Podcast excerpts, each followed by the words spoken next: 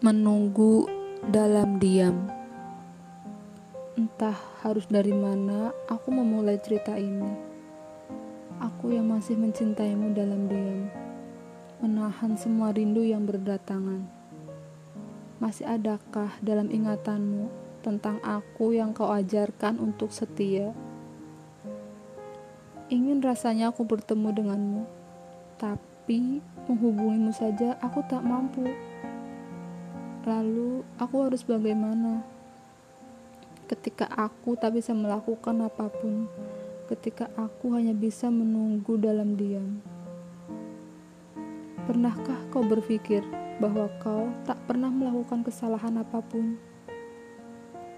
Tanpa kau sadari, mengenal tentangmu membuatku tahu apa arti perjuangan dan kesetiaan membuatku tahu bagaimana rasanya menaruh hati yang nyatanya tak memberikan kebahagiaan.